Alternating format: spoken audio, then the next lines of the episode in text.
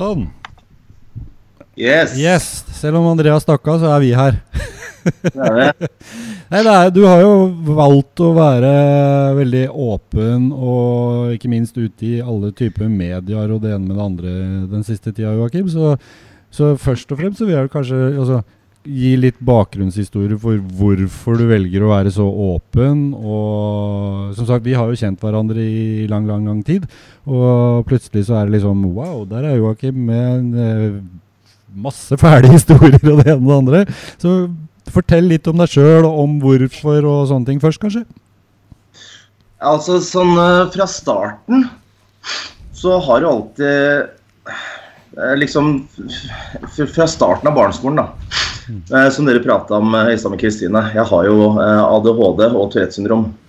Så jeg, jeg er jo ikke som alle andre mennesker. Um, har slitt fælt med tics og følt at jeg ikke har hengt med helt. Jeg har ikke vært som alle andre. Um, og det var jo en stor faktor at jeg alltid liksom ble stengt ute. Ikke fikk vært med på ting og sånn. Mm. Noe som resulterte da i at um, jeg fikk en veldig dårlig selvtillit, ikke sant. Eh, og utover, utover det så endte det med at når jeg fikk dårlig selvtillit og viste meg svak, så ble jeg også den som ble hjult opp i tillegg, ikke sant. Ja. Uh, så barndommen der har liksom Den har vært hard. Den har vært jævlig hard. da jeg starta jo å trene da um, første gang på treningsstudio på Aktivum på Skjelsås.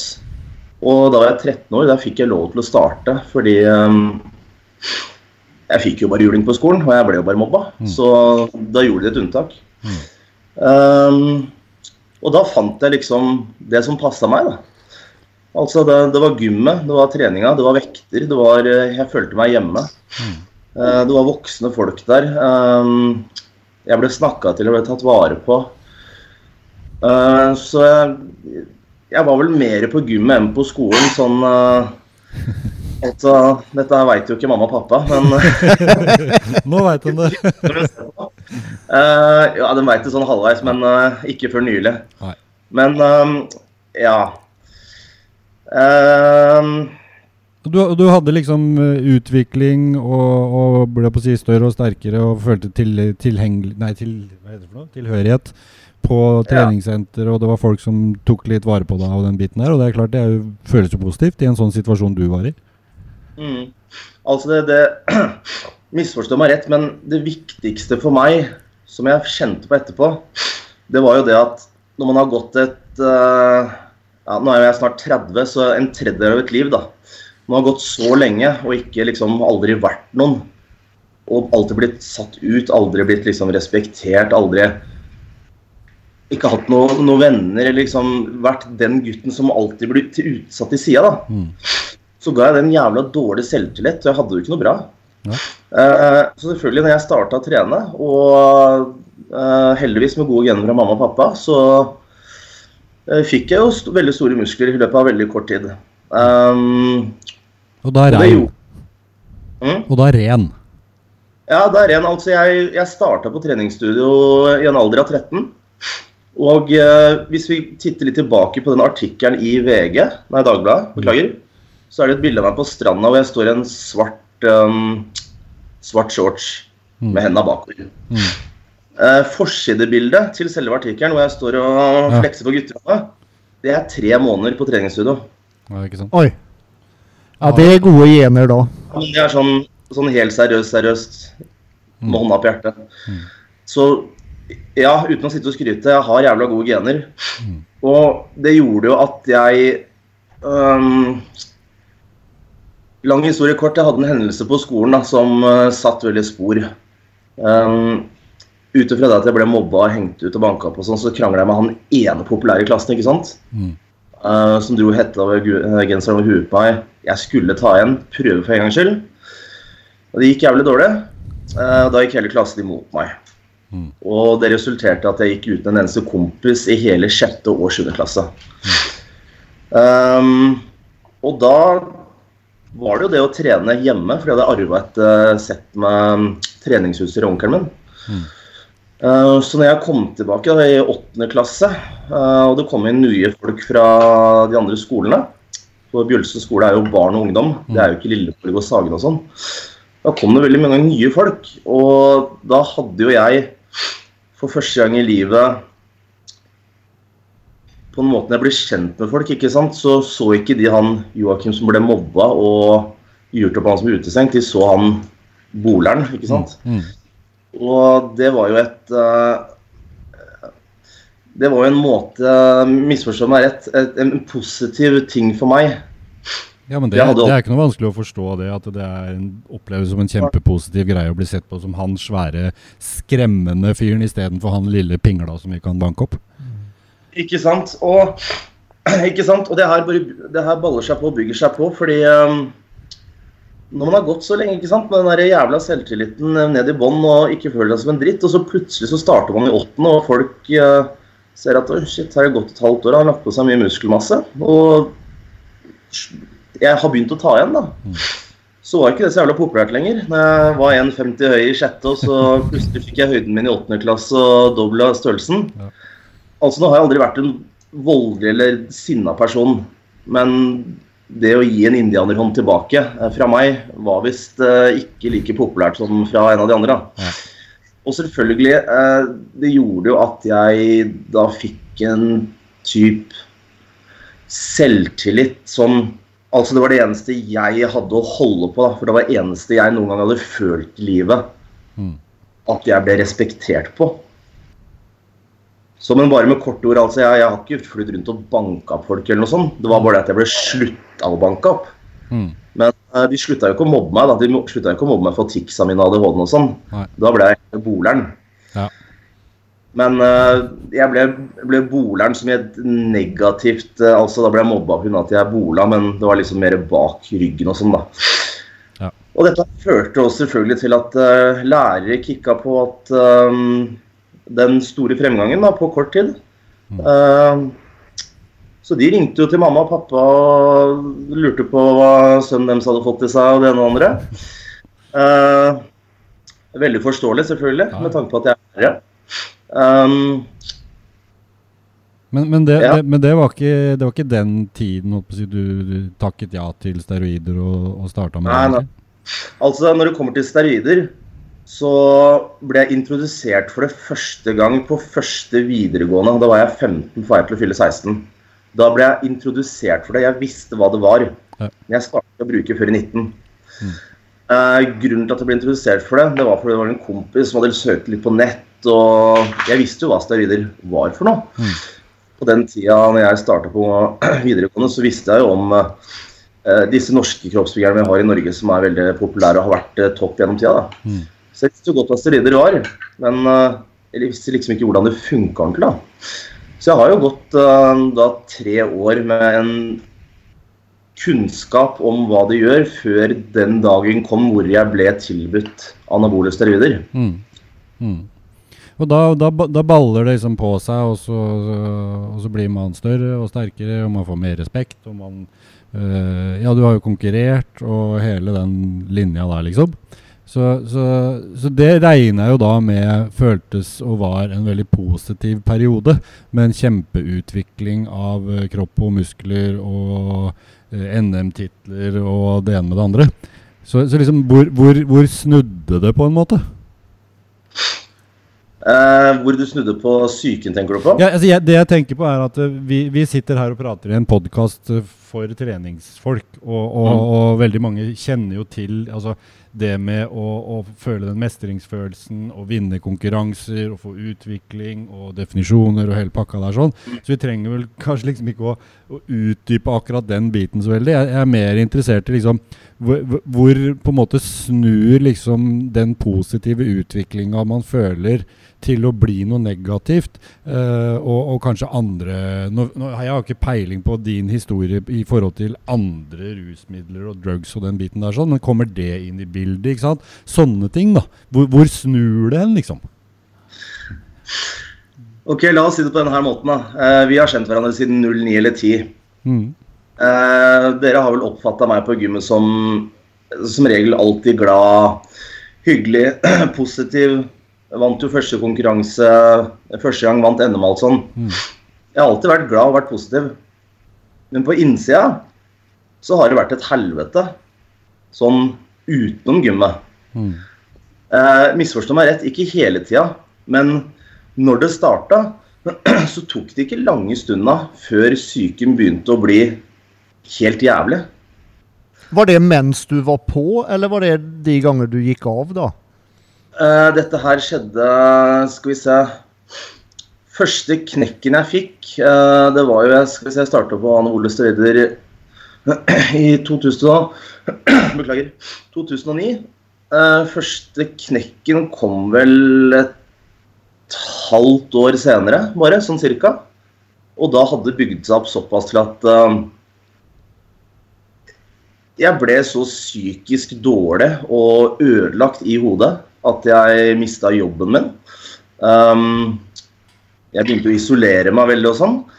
Uh, og det tok liksom et halvt år med, med litt sånn frem og tilbake før det stabiliserte seg. Uh, jeg veit ikke om det var meg personlig som reagerte på den måten med tanke på at min kropp og sånn, men uh,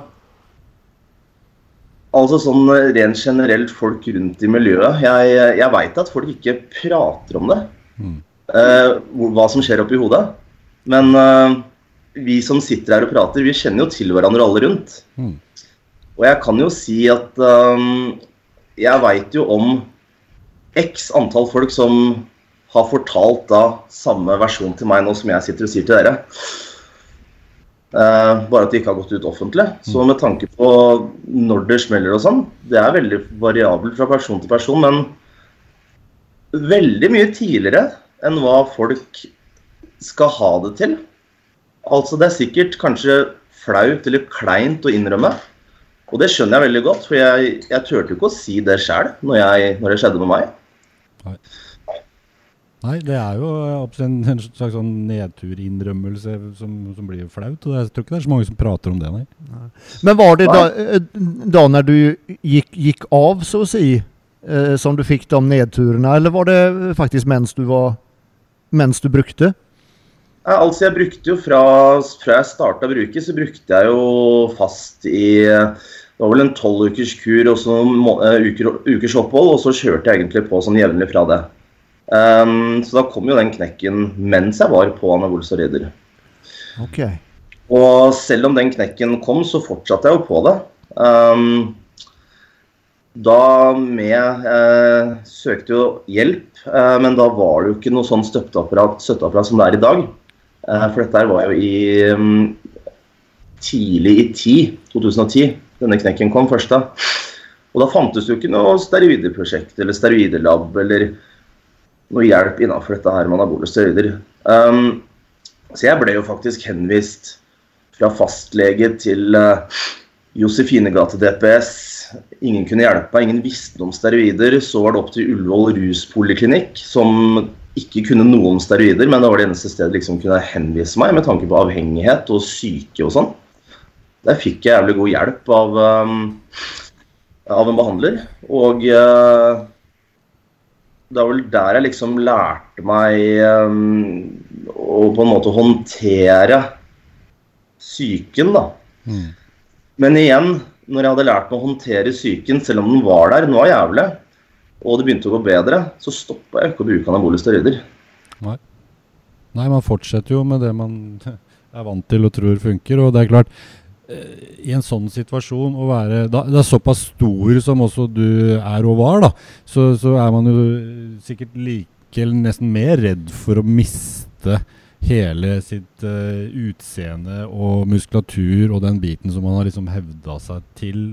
Og spesielt sikkert da når man har såpass mye mobbegreier som du også har opplevd. da. Man vil jo ikke gå tilbake til det, liksom.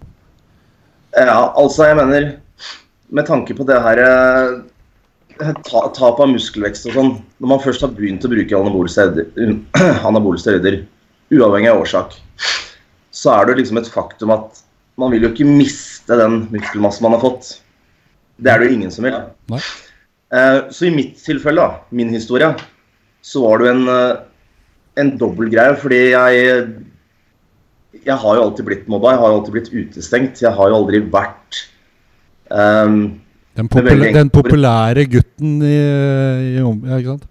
Ikke sant, ikke i det hele tatt. Og samtidig med mye mobbing og juling og sånn. Så liksom Der fikk jeg jo selvtillit, selvtillit, selvtillitboosten av bare treninga. Mm. Så bygde jo det seg opp ekstra med å starte på anabole steroider.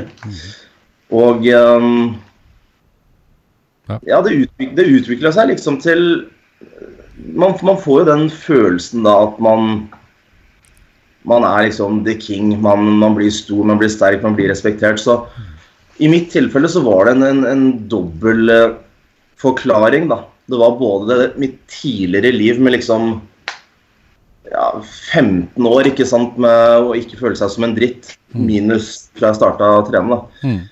Eh, til at jeg starta på anabole steroider, og da ble det liksom Som det er i disse typer miljøene innafor visse eh, kroppsbygging- og fitnesssteder. ikke sant, at Er man stor og sterk, eller ser stor og sterk ut, så får man automatisk mer respekt. Ja, ja.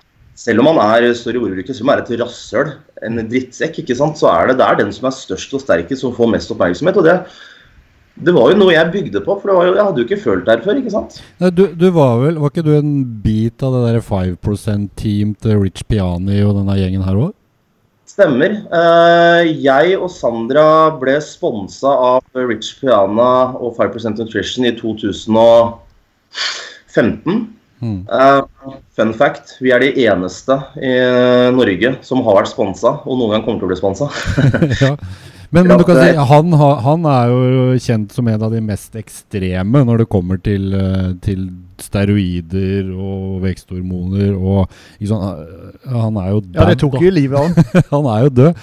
Men, eh, men ikke sant, det, det å være en del av et sånt ekstremt team også, gjør vel sikkert også noe med holdninger og, og sånn for, for det er jo litt interessant eh, for alle som sitter og hører på, liksom. Altså Hvordan, hvordan oppleves det? Det må jeg ha opplevd som en sånn supercred, som som du sier nå også. Jeg er den eneste som har vært sponsa av det teamet i Norge noen gang, og noen gang ever kommer til å bli det. Men jeg regner ikke med at du, du har kanskje de holdningene nå. Nei, altså holdningen min har jo forandra seg fra A til Å på veldig kort tid. Eh, fra jeg innså liksom den jeg slutta på steroider, eh, og effekten av det til hva jeg driver med i dag, da, forebygging. Men ja, tilbake på dette her med Rich Piana. Altså det, Du kan jo tenke deg, vi, jeg og Sandra vi holdt jo på et halvt år med promotering for uh, 5 og fikk beskjed av alle i uh, Gym-Norge at uh, dere driter dere ut. Her er det ikke sjans, dere kommer ikke inn, ikke faen om de tar inn nordmenn. Eh, så når man søker på 5% Nutrition, så sender man en søknad, så blir man kontakta. Så er det noe Messenger og WhatsApp og bla, bla, bla. Eh, vi fikk beskjed om at det vi gjorde, var spam. Men eh, det det endte opp med, var jo at Rich Piana ringte meg og Sandra på FaceTime personlig og spurte om vi ville bli en del av teamet. Ok. Eh, og selvfølgelig, bare det i seg selv blir ringt opp av personen som man har sett opp til siden man var eh, 12-13-14, det er jo jævla stort. Ja, ja. Og selvfølgelig det å få lov til å være med på 5% Nutrition, som den gang var det største fitness-teamet, mest populære, hadde flest stander. Altså jeg mener køen til Rich Piana på standene når jeg og Sandra var i eh, Orlando i Florida og Birmingham i UK. altså Det var jo en kilometer lang kø. Mm. Det å liksom få stå og være med på det der, da, og være Ja. I tillegg være nordmann, ikke sant, i Amerika. Det er, det er ikke noe Eh. tvil om at du da får en sånn Supermann-feeling. Det, det er jo bare å forstå. Selvfølgelig, og det var jo Altså, den den, den, den ville jo kommet, vil jeg tenke, for hvem som helst. Mm. Med tanke på trening. Eh, alle så jo opp til Rich Piana på hver sin måte. Altså Han var jo en superlikende så god kjernekar, og han var aldri slem eller noe, men folk likte han på forskjellige måter. Og det som var så kult, ikke sant? Mm. Og liksom å få være en del av det, å være med han og filme med han og trene med han, og personlig liksom eh, sitte i bilen med han og prate på vei til dit vi skulle spise og sånn. liksom. Og folk veit om dette her i Norge. Selvfølgelig blir det en boost, ikke sant? Det blir jo, det blir jo, vi er jo de eneste som har gjort det. Mm. Men, men, men, eh, men igjen, da, samtidig så, så er det jo heller ikke noe tvil om at uh, det teamet og hans holdninger til uh, alle mulige typer droger Og, og Det er vel ingen som har vært mer rett fram og promotert si, den biten der enn han. Og, og, og, nå som du da har opplevd og på en måte snudd livet ditt til å da ikke eh, drive med sånne ting, og du har tatt eh, si, følge av å innrømme alle disse feilene og alle disse depresjonene og alt det du da opplever som negativt, så er det klart, den, den, opplevelsen du hadde med å være med det teamet, er jo selvfølgelig noe du ser tilbake på som en slags sånn, også en sånn positiv opplevelse. Som en slags Supermann som står der med en kilometer lang kø. Og det er ikke vanskelig å forstå det. Men nå, da? Altså, hvordan ser du på det nå, liksom? Eh, altså, hvordan jeg ser på det nå, for å være helt ærlig, eh, rett fra levra, så misforstå meg rett men jeg angrer på at jeg gjorde det, med tanke på hva jeg ser i dag, hva folk går gjennom, har gått gjennom, mm. hva jeg gikk gjennom sjøl. Mm. Men samtidig så er jeg jævla glad for at det skjedde. For hvis jeg ikke hadde opplevd det, så ville jeg aldri sittet her i dag.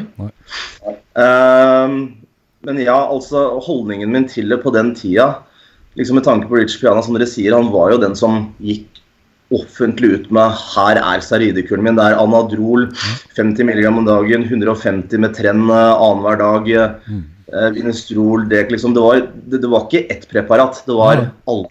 Det var absolutt alle. Ja, og, det, og, og, det, er jo også en ting som, i hvert fall sånn, sånn som jeg tenker, da, jeg tror mange med meg, er det derre ekstreme forbruket av sinnssyke mengder og mange forskjellige typer. Eh? At, at, det er på en måte med på å underbygge det, det verste, da. Ja, helt klart. Altså, jeg mener eh, Nå snakker jeg fra mitt perspektiv som en brukerrepresentant, og ikke som et, eh, en eh, ja. eh, helseutdannet person. Selvfølgelig.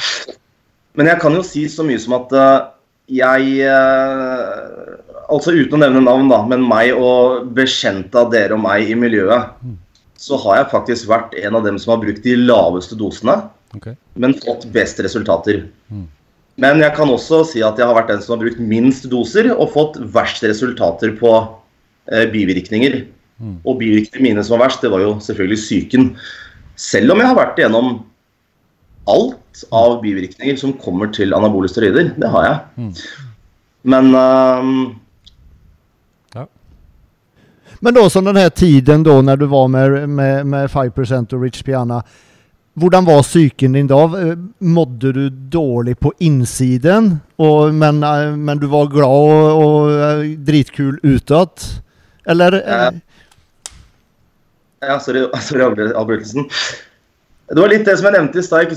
Jeg har kanskje virka på gym i alle år som jeg har vært jævla glad. Og det har jeg. På utsida. Mm. Men på innsida så har det alltid vært en 50-50-deling. Jeg har aldri følt meg bra nok. Jeg har alltid liksom vært glad på gymmet. Men uh, hjemme Den Joakim dere ser på gymmet, det er Gym-Joakim. Den Joakim som sitter hjemme, er det ingen som har sett før i dag. Mm. Så tilbake til spørsmålet. Uh, ja, altså psyken min uh, i 2015 når vi var i, i Birmingham på, på, stand, så var jo jeg oppegående. Jeg prata og hadde det bra på utsida. Men uh, altså, som sagt, kanalen min går ut på å være helt ærlig. Og jeg uh, gidder ikke å legge skjul på noe. Uh, jeg veit ikke hvor mange valium jeg, jeg tok i løpet av den helga. Bare for å faktisk kunne stå der og takle å prate med folk. Ja, ikke sant. Og bare det i seg sjøl, å måtte ty til eh, benzodiazepiner ikke sant? for å roe nervene. Når du allerede sitter med litt sosialangst, noe jeg gjorde, og ikke føler det bra på innsida, men folk ikke ser det, mm. så blir man jo ekstra nervøs for at ok, nå er jeg i utlandet, det er Rich Piana. Så altså Dessverre, ja, så tydde jeg til å bruke veldig mye valium under den uka. Bare for å faktisk kunne stå der og holde steinmaska og ikke bli knekt av psyken. Mm. Noe som har skjedd andre ganger i mange andre situasjoner. Som f.eks. så enkelt som på, ja, på gymmet. At jeg bare har fått en knekk, ikke sant. Eller eh, et, en fest, eller whatever. ikke sant. Mm. Så kommer det en knekk, og den knekken kommer sånn. Mm. Og da, da er man plutselig fra å være tilstedeværende til å ikke være tilstedeværende. Ja. Og det visste jeg kunne skje i, der og da. Så Men, ja, Vær så god, Andreas. Da også den perioden der For jeg regner med at du, du visste hva, hva de psykiske problemene kommer fra. Du visste at det var pga. steroidene, du skjønte det. Men, men hadde du da samtidig lyst å egentlig bare slutte med det? Eh, ah, helt ærlig svar. eh, på det første, ja, jeg visste hva bivirkningene var når de kom. Altså når jeg først starta på det, så fikk jeg bare beskjed om de positive. Du får muskler, går rundt med den, eh, mye sexlyst, bla, bla, bla. Men jeg ble jo ikke fortalt om noe av det andre. Så mm, psyken liksom eh, hvordan, hvordan skal jeg forklare det? Eh, gutta, dere kjenner meg. Det er ADHD-en. Jeg tar tre på. sorry, sorry, ta spørsmålet på nytt, for det er 100 tanker i huet. Ja, ja, jeg har jo problem. 70 meninger på en gang. ikke sant? Ja. Jeg tenker på den tiden der med, med Rich Piana, da du tok eh, tre Valium bare for å komme deg gjennom helgen. Men, men sånn innerst inne, da, hadde du mest av alt lyst å egentlig bare slutte med alt av steroider og, og, og liksom Bare jeg orker ikke dette mer, eller, eller tenkte du ikke de tankene? Eh, de tankene var av og på sånn hele min periode som kroppsbygger. Men eh, nei, jeg hadde ikke lyst til å slutte. Og selv om jeg hadde hatt de verste bivirkningene psykisk, og mange fysiske Og husk at jeg starta å bruke 09, og vi var på stand i 15 og 16. Så jeg hadde jo vært igjennom det helvete. Det er noen, det er noen år, ja. Ja, og når man sitter og veit det, og ikke sant, jeg fortsatt slenger i meg valium bare for å komme gjennom, så skal jeg ærlig si at nei, jeg hadde ikke lyst til å slutte på anabole steroider. Selv om jeg visste at uh, kompisen min som heter Beep, måtte operere puppene, altså gynekomasti. Og jeg måtte jo hjelpe han med å skifte BH og sår altså liksom Jeg visste at det kunne skje meg.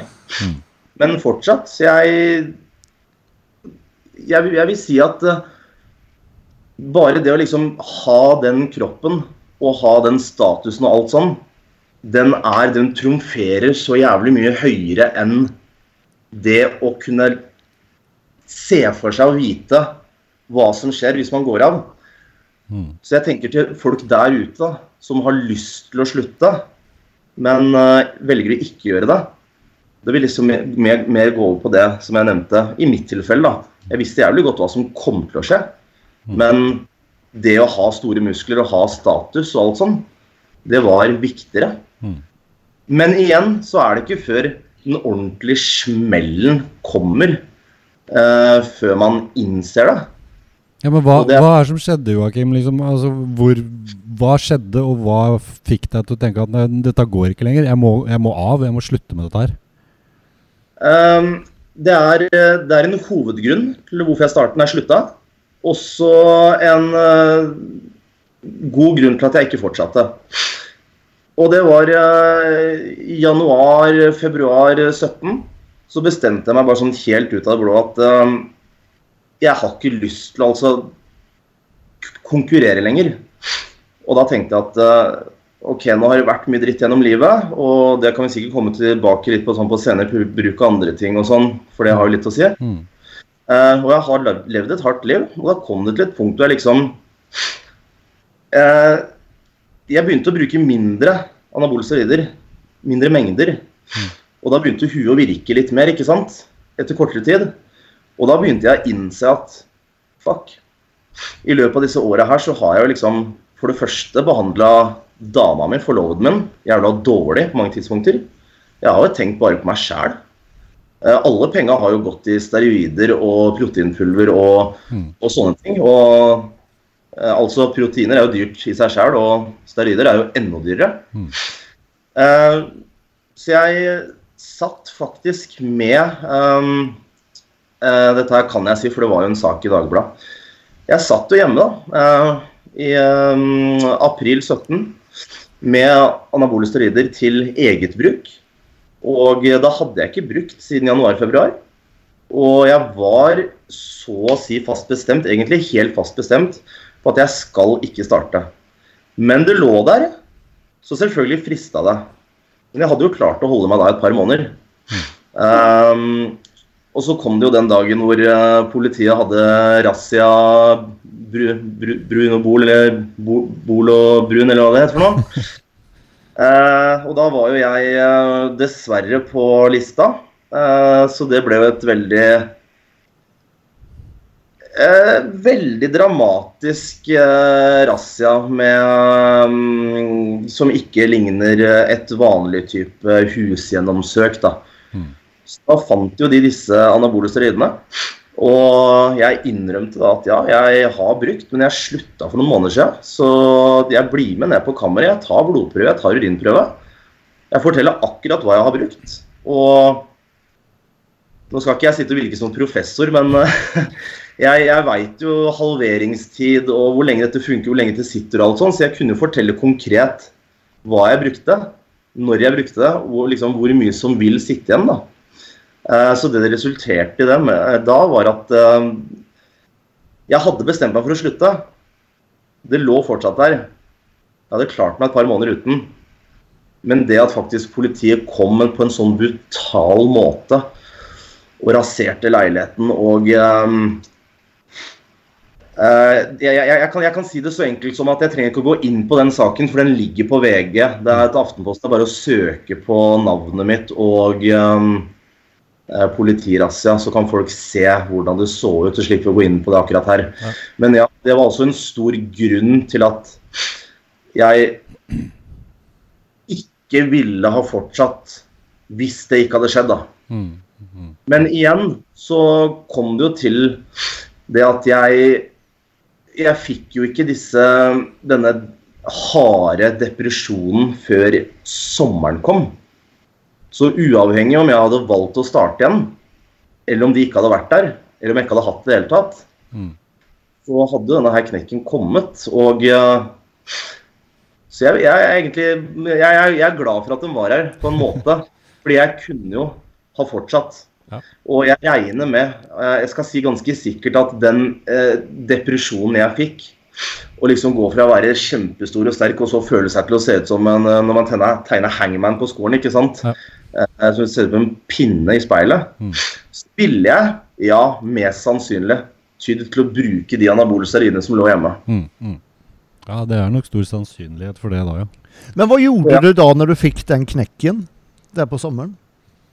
Uh, altså Nå må jeg bare gi meg to sekunder til å tenke meg her. Den, vet du hva, den knekken den var så psykisk hard og jævlig at jeg har fortrengt mye av det. Men samtidig så husker jeg det så jævlig godt. Og det, det kom jo til det tidspunktet at um, Altså, si jeg slutta i januar-februar, og da kommer sommeren, da har det gått fire-fem måneder, ikke sant. Da er jo alt ute av kroppen, og man har hatt lav testosteronproduksjon ganske lenge og sånn, men når man har hatt ikke sant, Normal testosteronproduksjon skal ligge på mellom 8 og 26 eller 32, ikke sant. Mm. Vi som bruker anabolsteroider ligger gjerne oppi kanskje 200, men en prøve på fyrst vil jo ikke måle mer enn 50. Alt over 50 er jo hormonpåvist bruk. Så jeg regner med at hvis jeg lå på 300, da, bare for et tall, i februar, så har det synket sakte, men sikkert ned til sommeren til null. Så når jeg traff bånd og den traff null, så fikk jeg en så jævla hard psykisk smell at uh, Det starta egentlig bare at når jeg sto opp om morgenen så var det bare noe gærent. Uh, det, det, det, ga ikke noe forvarsel. Det var liksom ikke noe verre fra dag til dag. Jeg følte meg selvfølgelig litt mindre og mindre for hver dag. Men det var det bare at jeg så meg selv i speilet og så at uh, fuck, du begynner å bli mindre. Hva, mm. er, det noe kult? Ja, men jeg kunne leve med det. Utrolig nok. Men uh, det å våkne opp en morgen og føle at hele verden raser, og faktisk liksom på en måte ikke ha en eneste følelse, men den eneste følelsen man har, selv om man ikke føler at man har en følelse, er bare depresjon. Mm. Det ødela meg hele livet mitt. Altså, jeg gikk Jeg gikk i to år konstant med sosialangst og mange andre psykiske plager. Mm. Og uh, grunnen til at jeg blei litt borte fra treningsstudio i perioder, det var jo fordi at, som jeg sa, Joakim på gymmet var Joakim på gymmet, men det var ikke alltid jeg klarte å skjule den Joakim. Mm. Så det endte opp med at jeg trente andre steder for å prøve å skjule dette. For jeg ville jo ikke vise at ok, nå har jeg gått av anabole steroider sånn og sånn, mm. så ja. Men, men uh, med tanke på liksom andre uh, rusmidler, da. Uh, hvor stor innvirkning mener du altså Nå har jo du fått medisinsk hjelp på, i disse prosjektene osv. Uh, hvordan innvirkning har det å velge, da å dytte på med andre rusmidler oppå et stort anabol steroidbruk, liksom? Nå hørte jeg deg litt dårlig på siste hva du okay. sa. Altså, Den sammenhengen og, hvilken innvirkning mener du og dine da medisinske hjelpfolk eh, Hvor stor innvirkning har de sammen? Er, er, vil, vil, det være en bombe med steroider og andre rusmidler? Jeg tenker på en kombinasjon av ja. Uh, ja, ja, altså helt klart. Jeg mener um, Dessverre så går jo anabole steroider og sentralstimulerende hånd i hånd. Til slutt. Jeg sier ikke alle, jeg drar ikke alle under én kam, men de fleste der ute eh, har vært borti eller bruker eh, sentralstimulerende sammen med anabole steroider. Og eh, det sammen, bare alene, er jo liksom alle bivirkningene av anabole steroider som er eh, fra de mildeste til det mest heavy, som hjerteinfarkt og sånn. Mm. Det er jo ganske crazy og så skal man dytte på med amfetamin eller kokain, mm. som er jævlig i seg sjæl, og som går på hjertet og, mm. og alt sånn. Og eh, jeg ja, to scenarioer her, da. Altså, nå skal ikke jeg nevne noen navn med tanke på at jeg sitter på pod, men jeg har jo mista fire venner pga. bruk av anabole steroider, og to av dem er pga. anabole steroider og da pga. sentralstimulerende. Mm. Og eh, ja, eh, det kom jo til det punktet med meg også at jeg eh, tydde til dette her. Mm. Jeg har ikke Misforstå meg rett, jeg har ikke vært den typen som har sittet hjemme og rusa meg kjempemasse. Jeg har ikke vært han som sitter hjemme med den på plata konstant, men ja, det, det var en veldig hvordan skal jeg si det med enkle ord? Eh, det, det, å sette en eh, sprøyte i ræva da, med testosteron, det er ganske mye mer heavy gap enn å snorte en linje med kokain. Mm. Så når man først bruker anabole steroider, så vil jeg tenke at det er lettere å dra den opp i nesa mm. enn omvendt. For, for de fleste så er det jo det å stikke en nål er jo ganske ja, det er, jo, det er jo et uh, stort uh, hopp, det selvfølgelig, for aller, aller fleste uh, mennesker.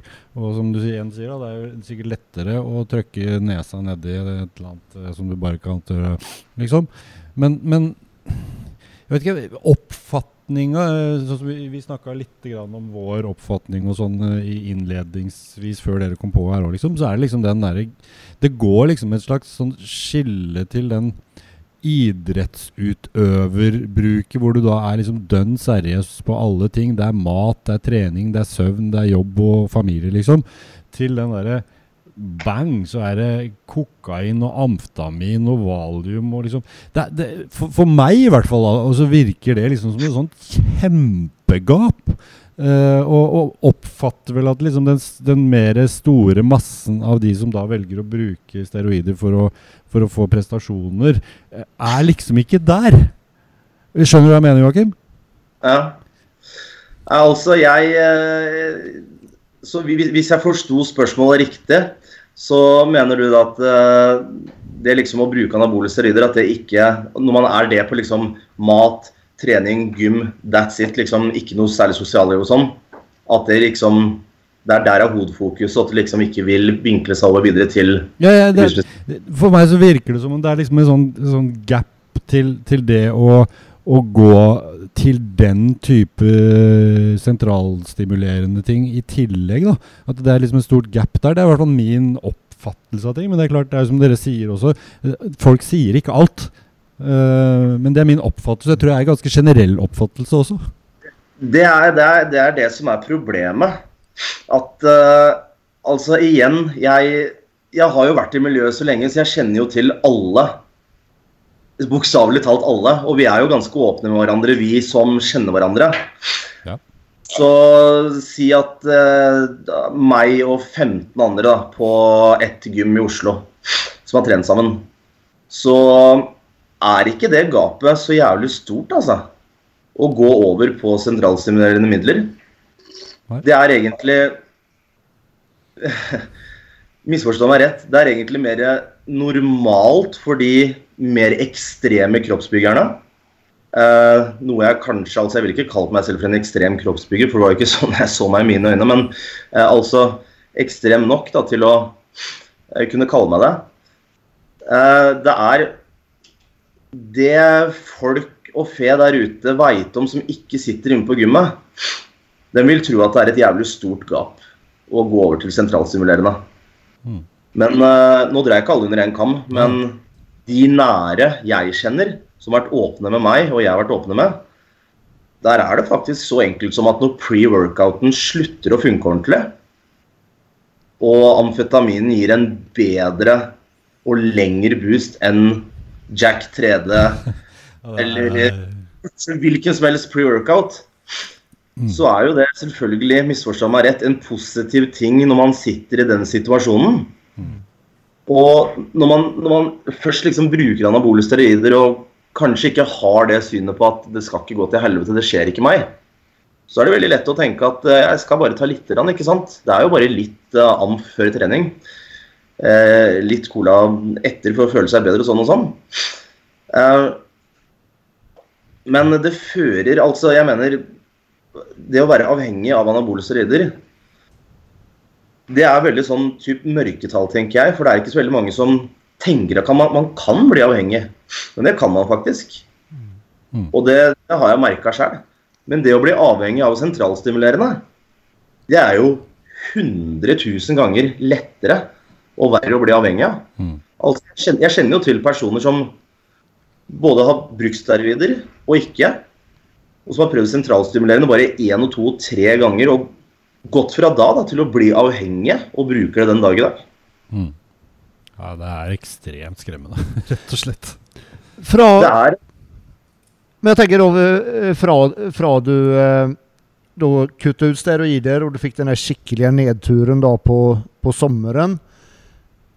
Hvor lenge gikk du sånn før du fikk noen hjelp, og hvordan fikk du hjelp? Hvem, hvem kontaktet du, eller hva, hva gjorde du? Jeg eh, kontaktet ingen. Jeg kontaktet eh, kontaktet og kontaktet. Jeg, når jeg fikk smellen, så prøvde jeg å gjemme meg så mye psykisk som mulig. Men eh, jeg var jo Jeg var jo fortsatt der ute og var med på ting. Og jeg mista jo ikke Altså, jeg hadde jo en bra størrelse en god stund etterpå. Men eh, Bare, bare så det er sagt, du har en bra størrelse nå. Altså, der er vi enige om å være uenige. for å si det sånn. Og der kommer Megareksin i bildet, ikke sant. Jeg. Jeg, jeg folk syns det, men når jeg ser meg selv i speilet, så ser jeg ut som eh, ja, altså, Du trenger ikke å si noe direkte navn, jeg ser jo ut som en uh, fotballspiller eller en sprinter. ikke sant? Jeg, jeg, for meg så ser jo jeg ut som alle andre på gymmet som nettopp har starta å trene. Selv om jeg vet jeg ikke gjør det. Ja, du gjør ikke det. Jeg står og ser meg sjæl i speilet på badet hver jævla fuckings kveld. Og jeg tenker at fy faen, for en dårlig kropp du har. Og så liksom ser jeg Sandra liksom ligger i senga og bare Ja. Hun veit jo hva jeg tenker, ikke sant? Ja. Og jeg kan stå og henge meg på dette her. liksom, Faen, så dårlig du ser ut, liksom. Og så får jeg ekstra dårlig samvittighet, for nå har jeg ikke trent ordentlig mye i det siste, og sånn, for jeg har prioritert andre ting. Og Ja, nei, det er den megareksi-greia som du sier, og den der helt skeive synet. Men, men, men, når du nevner, men når du nevner Sandra, bare, bare, Ja. for, bare for å liksom skyte inn det Jeg vil jo si jeg er jo imponert over Sandra òg, som har eh, vært der og fortsatt er der hos deg. Det er jo Det må jo være løv. altså, for å si det med enkle ord, da, gutta. Hadde det ikke vært for Sandra, så hadde ikke jeg Oi, nå, nå, Fakta, fakta. Du- Fakta, fakta på både steroid-wise og andre ting-wise. Sandra har utrolig god tålmodighet. Og eh, hun har opplevd meg på det mitt beste og mitt verste. Og eh, uavhengig av eh, hva jeg har gjort som har såra henne eller oppført meg og sånne ting, så selvfølgelig Altså, jeg har jo fått eh, kjeft, og jeg har til og med fått eh, flere slag i trynet flere ganger. Altså, jeg har jo blitt fått flere indianerhendere sånn for å bli satt på plass, som jeg har fortjent. Mm. Men altså, er er, er det én dame som skal ha cred her i verden for å ha holdt ut med en som har brukt anabole steroider veldig lenge, og så gått opp på sentralstimulerende, i tillegg har ADHD og konstant skal gå rundt og være en pain in ass med masse energi. Og, og så tror jeg egentlig Ja, der er det praise the Lord. Altså, eh, jeg tror nesten Sandra kunne, kunne vært uh, utdanna helsepersonell i eh, med tanke på uten utdanning. Altså, jeg, jeg, vi har en litt sånn morsom intern greie her hjemme. Da, og det er, Jeg sier at Sandra er min verge. Men uh, fra, fra spøk til alvor, det er jeg faktisk. Ja. Fordi når jeg har følt meg på det verste, og når jeg har hatt det helt jævlig, Mm. så er hun den som har vært der. Jeg har ikke turt å ta kontakt med noen, ikke engang mamma og pappa. ikke sant? Mm. Så Nei, det, det regner jeg med du setter rimelig stor pris på og prøver å ta vare på nå hvor du er- kommer deg litt mer på beina. Selvfølgelig. Altså, jeg mener I mine øyne, da, så uten å gå inn på temaet, så har jeg gjort veldig mye dumt i livet. Men det som, det som sårer meg mest, og det som sitter igjen og stikker i hjertet, som aldri kommer til å gå ut, det er jo hva jeg har gjort som har effekt av Sandra. Mm. Uh, og det sitter jo fortsatt den dag i dag at jeg angrer, og det er ting jeg aldri kommer til å tilgi meg selv for. Mm. Og, og, og det at jeg sitter og veit det sjæl, liksom hva jeg har gjort, hvordan jeg har såra henne, og hun fortsatt har holdt ut med meg. Mm. Altså vi har vært sammen i syv år, tre måneder og 14 dager, for å være helt nøyaktig, i dag. Jævlig. Jeg, jeg mener altså Alle andre dette, dette er min mening, da. Mm. Hvilken som helst annen annen kjæreste der ute i verden hadde dumpa typen sin for lenge siden. Uten tvil. Mm. Sandra har beholdt meg, Mm. og det er jeg jævlig takknemlig for. Ja. Altså, med kort ord, jeg hadde ikke sittet her i dag. Jeg, jeg hadde ikke levd i dag hvis ikke hadde vært pga. Sandra. Mm. Eh, og det tilbake på det, i hvert fall med tanke på psyken min under den depresjonen. Fordi altså, jeg var jo suicidal på et tidspunkt. Mm. Og um, når man ikke tør å ta telefonen når sin egen mor og far ringer, og ikke gå ut døra engang, Mm. på det verste. Og bare sitte hjemme og sperre seg inne og til og med ha satt seg på gjesterommet og lukka døra. liksom Man sitter her i sin egen verden og liksom bare er deppa og føler seg helt jævlig. liksom bare Hvor skal jeg gidde å leve? Det er ikke alle kjærester som uh, hadde greid å takle det. Enten at de greier å takle det eller vil takle det. Hun gjorde det. Og altså, hun Hun er Ja, det er, du, du trenger ikke å si noe mer, egentlig, for det, det, det sier nok med handling og Ja. Mm. Men for å gå tilbake, hvordan du fikk hjelp? Ja, sorry. altså, Jeg må bare si en gang til. Uh, jeg, hvis dere stiller meg spørsmål, så er det mulig jeg begynner å snakke om hvilke sokker jeg brukte i overgår. Ja. det, er, det er sånn hjernen min funker. Jeg, jeg har ADHD, jeg skal snakke om 100 ting. Hvordan jeg fikk hjelp? Uh, jeg oppsøkte jo ikke noe hjelp. Jeg fikk jo knekken. Og jeg tok den knekken. Og jeg eh,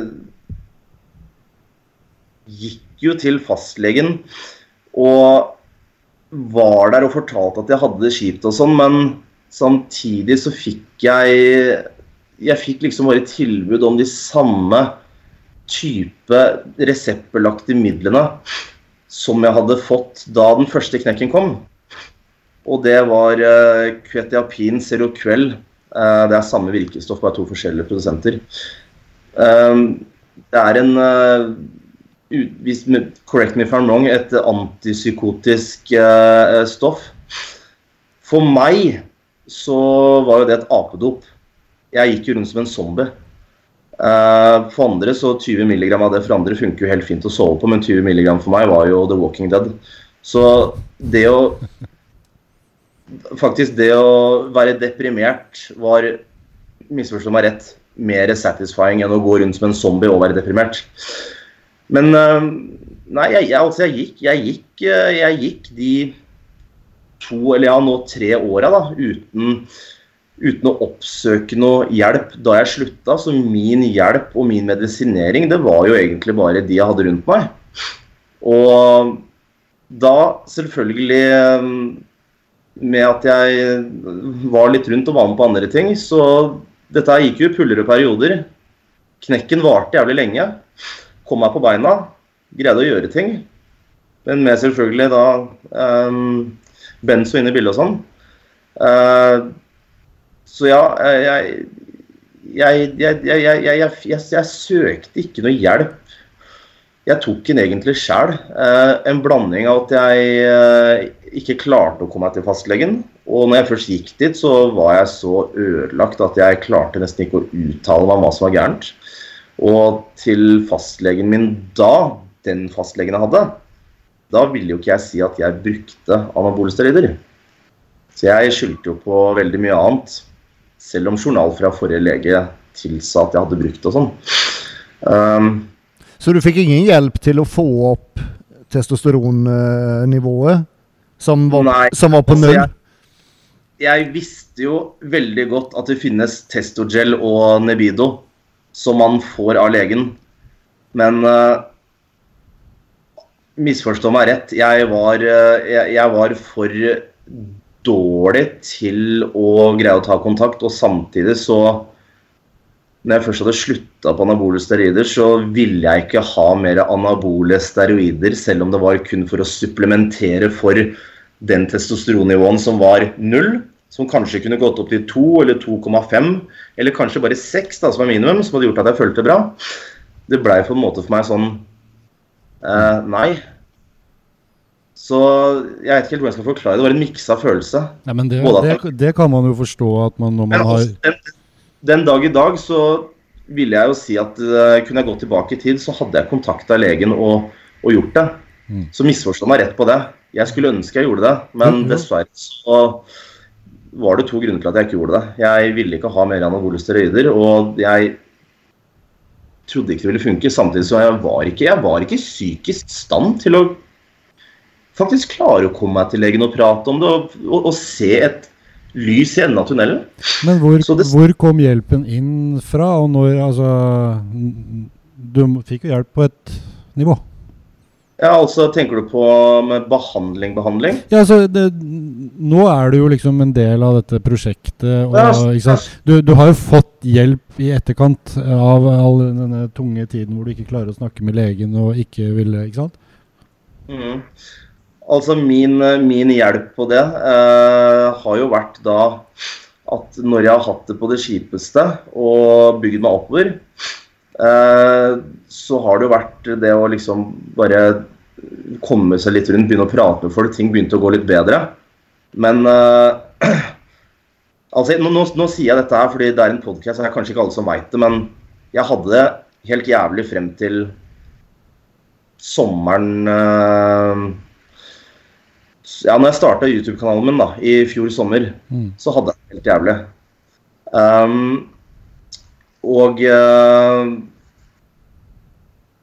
Nå må du ta spørsmålet en gang til. for jeg hadde innpå som Nei, nei, nei, det var mer, mer det altså, Du har jo kommet til et nivå hvor du har fått noe hjelp med dine problemer. Hvem var det, når var det, og hva var det? Nei, men det er det Han sier. Han, han har jo bygd seg sjøl opp. Ja, ok, sånn, ja. ja. Jeg, har ikke fått, jeg har ikke fått noe hjelp fra leger. Nei, det var det, var, det var det, jeg ville fram til. At du har ja, jobba med dette sjøl, ikke sant? Mm. Ja. Eh, det starta jo, uh, som jeg sa, med at jeg en dag bare i håp om å hjelpe en sjel der ute med å ikke starte med anabole steroider, starta en YouTube-kanal. Mm. Um, det tok jeg sånn på sparket, og det gikk jo veldig fint.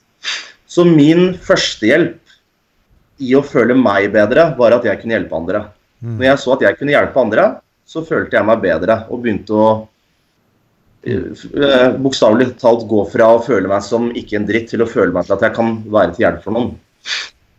Og dette gikk jo veldig bra en stund fremover. Og da bygde jeg opp selvtilliten min. Uh, men der det starta i bunn og grunn til at jeg bygde opp fra å ha drittselvtillit til å få en bedre og bedre og bedre og bedre, til at jeg har utvikla meg fra det til der jeg er nå, det starta jo da med at um, jeg ble introdusert uh, av, gjennom en kompis, av en som heter Christian René Wold, hvis dere vet hvem det er? Krimforfatteren. Nei, egentlig. Nei, ikke- jeg.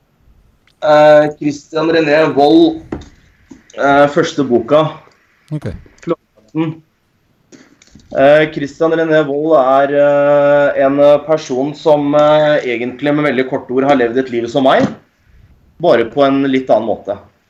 Eh, han driver noe som heter Skamløst nettverk. Eh, og det er eh, en organisasjon som eh, baserer seg på dette her at eh, det, skal ikke, det skal ikke være noe skam i å ha en tilstand eller condition eller noe sånt. Altså, er man alkohol, alkoholiker eller narkoman eller noe sånt. Og det er jo dessverre i Norge tabu for veldig mange. Og det er jo tabugreie å være eh, enten al al alkis eller narkoman eller avhengig av et eller annet. Så Skamløst nettverk i seg selv står liksom for det at der kan du komme og få hjelp hvis du føler at du ikke får hjelp av noen andre. Der, der er ingenting tabu. Der får du hjelp uansett. Mm. Og da snakka jeg og Kristian litt over nett. Og jeg kan jo veldig mye om anabole. Og jeg har hatt de negative og positive effektene. Og mm, møtte Kristian én gang. Og altså første gang vi møttes og så hverandre i øya, så gikk jo praten som vi hadde kjent hverandre i ti år. Mm. Eh, så da skjønte jeg liksom at ok, her er en kar som har vært gjennom samme greiene som meg. Jeg føler meg litt forstått. Uh, Utvikla seg til at uh, vi begynte å snakke litt om meg og Skamløst nettverk. Eh, og jo mer og mer vi prata, så fikk jeg tilbud om å være med i Skamles nettverk som foredragsholder innenfor rus, kriminalitet, gjengmiljø og mobbing innenfor ungdom. Barne-, ungdom, videregående. Mm. uh, så da var jeg med Kristian på to, to sånne foredrag. Og da bygde jo selvtilliten seg ganske bra opp under den tida. Men når jeg først så Kristian stå på scenen, eller foran uh, depot, da, og prate med folka og fortelle om sitt liv sånn og sånn, så tenkte jeg bare sånn Shit, liksom det han har vært igjennom, og hans story. Uh, og det anbefaler jeg dere til å se. Det ligger på Skamløst nettverk, så ligger uh, powerpointene som heter heter så mye som eh, Jeg husker ikke helt navnet, men den anbefaler jeg å se. Mm. Og den gikk han da gjennom. Da, da kjente jeg meg igjen så jævlig på så mange ting. Og det, det ga meg da den den hjelpen eh, Ikke legehjelpen, men den hjelpen av andre mennesker som gjorde at jeg da fikk bedre selvfølelse, selvtillit, og endte opp med å holde foredrag for Skamløst nettverk. Ja, det er, jo, det er jo kjempebra. Og nå, nå har vi sittet her i halvannen time, så vi må Ja, vi må begynne å runde av her nå. Det er, det er så interessant å høre på alt dette. Jeg hadde kunnet sitte og høre på dette i flere timer. Mm. Eh, bare for å, å avslutte som, Den dag i dag, hvordan, hvordan har du det med deg selv nå? Og, og ikke minst, hvordan er testosteronnivåene dine i dag? Eh, per dags dato så har jeg det kjempebra. Jeg har det jeg, jeg kan si det med så enkle ord at jeg Livet mitt starta ikke før jeg starta YouTube-kanalen og fikk eh, selvtillitsboost. Og da selvfølgelig i september ble jeg diagnosert og fikk medisiner mot ADHD og Tourettes, noe som åpna huet mitt litt. Så jeg har det kjempebra. Så med korte ord, jeg har det bedre enn jeg noen gang har hatt det. Og det er egentlig nå nylig livet mitt har starta. Men eh, det var en ting jeg glemte. eh, med tanke på behandling. Jeg har én gang fått behandling, eh, og det var i, i fjor. Og det var en langtidseffekt. For mitt testosteronnivå gikk jo fra et eller annet tall og ned til null, og var null ganske lenge. Og bygde seg sikkert eh, opp til en liten grad. Men så fikk jeg igjen da, eh, ja, i, i fjor, seint en gang, en psykisk knekk. Og fant ut da at blodprøvene viste at testosteronnivået ble mindre og mindre og mindre. Og mindre og mindre. Og da var jeg oppegående nok til å skjønne at ok, det, nå starter jeg på her. Og da brukte jeg en sånn kur med testogel. Uh, og det funka veldig bra. Uh, det fikk opp verdiene til der det skulle være. Ok. Ja, men det Ja, er det er kjempebra, og det er eh, Jeg syns det, det er hva skal jeg si, enda mer interessant og, og lærerikt og opplysende å snakke med deg på den måten her, Mm. enn å bare se bruddstykker på Facebook eller Insta eller sånt. For det, det som er med, med meg, og med sikkert veldig mange med meg, er sånn at det, man ser litt, og så tenker man ja ja, det ja det, ja det, ja det innimellom. Men det å ta tiden til å faktisk høre ut folk som da har disse erfaringene som Joakim har, og, og liksom det, det vil jeg nok etter denne session anbefale. Mm. er utrolig lærerikt det her. Utrolig lærerikt. Ja, hvis, hvis jeg kan spytte inn en liten ting på det der. Eh, som dere sier, folk liksom eh, Å ta seg tid til å sitte ned og høre på. Eh, ja, én ting er hva man ser på Facebook, og hva jeg har liksom skrevet om at, hva som har effekt av meg og livet mitt. Men det er jo bare en tekst. Mm. Altså, Det er noe helt annet å sitte og prate med meg her nå. Ja. Og Og, jeg- og, og, bare for å skyte inn det her, og det er ikke meningen å avbryte, men bare skyte inn det, for det henger sammen med den som du har, kalt for gym, Joakim. Den er det jo de aller fleste som driver med fitness og trening og, og den biten i landet vårt, har jo bare opplevd gym, Joakim. Og har bare et inntrykk av Joakim på det, og så kommer det plutselig noe sånn ut i litt sånn media og sånn, og så er det sånn Hva faen er det han driver med nå, liksom? Istedenfor å sette seg ned og faktisk høre på, på historien. Mm. Det er akkurat det, fordi der kan jo ting bli jævla mistolka. Fordi de har bare sett Gym Joakim. Og så ser de et uh, innlegg, eh, artikkel fra en avis. Og da lager jo dem seg sin egen mening ut ifra Mm. teksten. Og det er jo helt normalt. Det ville jo alle gjort. Mm. Så det å sitte og prate sånn her nå, jeg mener det er jo sånne ting som må til og skal til og trengs for at folk skal, mener, mener jeg da, få oppleve liksom Sånn som meg, sitte nå og prate om hvordan det var, fysisk og psykisk, med mine egne ord, min egen stemme alt sånn. For det gjør det mye mer realistisk. Og da sitter de ikke og ser på Joakim på et papir. De sitter og ser på meg prate og sånne ting. Og det er jo samme liksom som det kommer til sånn med foredrag og forebygging og alt sånn. Jeg, jeg står i person og jeg prater fordi å, skrive det på Facebook, det, en, det, det blir en Ja, kanskje en positiv greie, og han har skjerpa seg litt og sånn, men det blir ikke det samme. Det er overhodet ikke Overhodet det samme. ikke. Det er ikke det. Og, og jeg har jo egentlig alltid hatt den, den innstillinga å ikke høre så veldig mye på folk som sier noe om noen, og heller bli kjent med folk sjøl. Det er min person. Og dette her gjelder jo å anbefale i sånne tilfeller som det her òg. Ta Mm. deg litt grann tid til å faktisk bli kjent med personen, og hør på litt Ikke bare lag deg halvsannheter ut ifra rykter og små Facebook eller sosiale medier-skit, liksom. Mm. Det er viktig. Nei, det er akkurat det, ikke sant. Og så er det jo litt sånn Tilbake til det med Joakim Gym Joakim. ikke sant? Det, sånn, Den Joakim dere har sett på gym og på Facebook, det er sånn dere har sett meg. Men det er jo ikke den jeg har vært hjemme. Nei. Jeg har vært totalt annerledes. Men det er det jo ingen som veit. For jeg har jo ikke gått ut med det før nylig. Ja, nei, vi bare, vi bare takker for Ja, at du tusen takk for, uh, for en ja. utrolig interessant uh, prat. Mm. Og takk til deg, Kristine, som sitter der eh, i bakgrunnen et sted.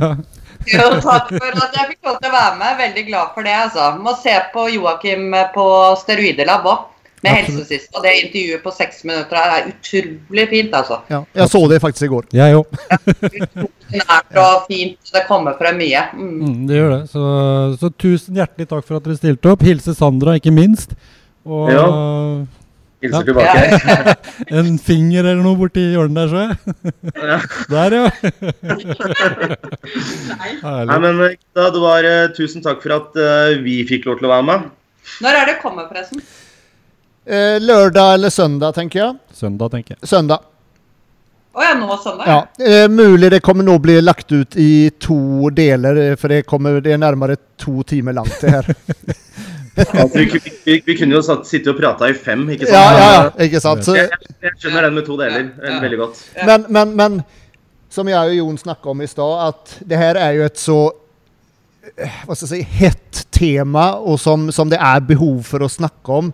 Så det er godt mulig at, at vi kontakter dere igjen, og at vi kan lage en oppfølging. Bare gjør det. Vi Ja. stiller. Altså, ja eh, fra, fra, fra, fra, Nå kan vi ta hver versjon, men fra min side, da. Dette her blei jo en jævlig lang prat, men for meg så har det virka som fem minutter. Ja, ja, ikke sant. Ikke sant. Jeg, den personen jeg er i dag, så ønsker jeg selvfølgelig å hjelpe folk å slutte å bruke anabole steroider, eller å ikke starte. Og det er jo det hele YouTube-kanalen min er basert på.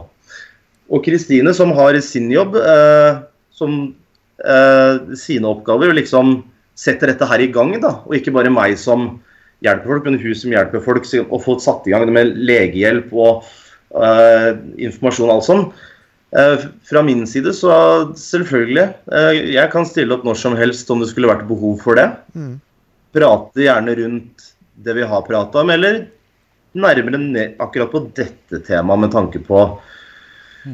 Det med hjelp og alt sånn, hvis Mm. du skulle tatt det videre på den. Og Mm.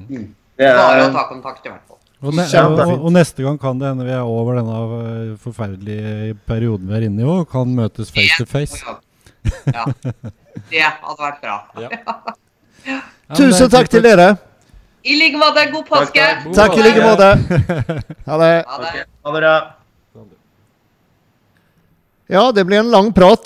Det er litt sånn wow. Ja. ja men utrolig interessant. Og det Jeg må si at jeg ble veldig positiv Positivt innstilt til hvordan de gjør ting, hvordan de legger opp ting. At det er ikke det her at uh, man kanskje blir satt i bås og, og, og, og egentlig ikke får noen hjelp. Nei, altså jeg, jeg må si at jeg lærte ganske mye ut av, Mm. av, det begge to forteller. Og ikke minst den der greia som vi snakka om i starten, at vi ønsker å ha liksom et nyansert eh, blikk på, på dette her. Og det virker det da absolutt som det er. Og det er ikke enspora mot én gruppe mennesker. Det er ikke liksom det her gjelder liksom alle mm. nivåer osv. Og, så videre, og det jeg er utrolig positivt overraska. Ja. Og det, og det, det jeg nevnte også med, med Joakim altså, Man har liksom kjent hverandre Mm. eh, over en, eh, mange år, men man har jo ikke kjent personen. Allikevel Ikke ikke kjent i det hele Og, tatt. og Joakim da som en sånn uh, figur, svær, muskuløs, uh, fulltatovert, uh, ikke sant. Eh, altså, for meg og for deg så kjenner vi det kanskje litt bedre når vi snakker med dem innimellom, men allikevel så er det den figuren vi har snakket med. Mm. Og, og det å da liksom bli kjent med personen og få liksom litt mer innblikk på hva slags Ja, det er eh, utrolig interessant og lærerikt. Det er det. Og, og ta bort kanskje litt av den derre Uh, Nei, det er bare sånne dophuer som uh, får problemer, liksom. Og, Mm. og det han sier, liksom at eh, det er en lett vei til å hive seg på amfetamin og kokain når ikke pre-worken virker, liksom. Det er jo her, liksom. Mm. Ja, det er fucking skremmende. Mm. Så, og der, der ser man liksom Ja, som hvis man står der, da, som, eh, som en sånn ung eller voksen, og, og liksom tenker at eh, Ja, men han og hun og han så jo, Alt virker jo bare helt supert. Jeg vil jo være sånn, liksom. Mm. Så ligger det liksom veldig ofte bak eh, dype Ja. møkkating, liksom. Som man aldri ser. Ser jo ikke. Så, så, så tenk deg ganske mange ganger om før du velger å, å gå den veien. Mm. Selv om det kan gå bra. Det kan gå bra, men det kan Ja. også gå rett til helvete. det kan det. Så Mm. jeg tror og håper det er noen lærerik episode, dette her. Jeg lærte i hvert fall en del. Og, ja, og at man liksom kan, kan liksom få i gang Jeg tar gjerne en debatt med, med flere på, på sånne ting, for det er jo et tema som burde snakkes om. Mm. Vi, vi skal snakke om sånt rett fra levra, vi. Både dette og bare positive, happy ting også, men, eh, men alle, alle aspekter av dette her. sånn. Men nå har vi sittet i to timer, og Ja. jeg må gå på do. Ja, og jeg må ut og jobbe. Ja, Ikke sant? Takk for i dag, Jon. Takk for det, Andreas. Kjempebra.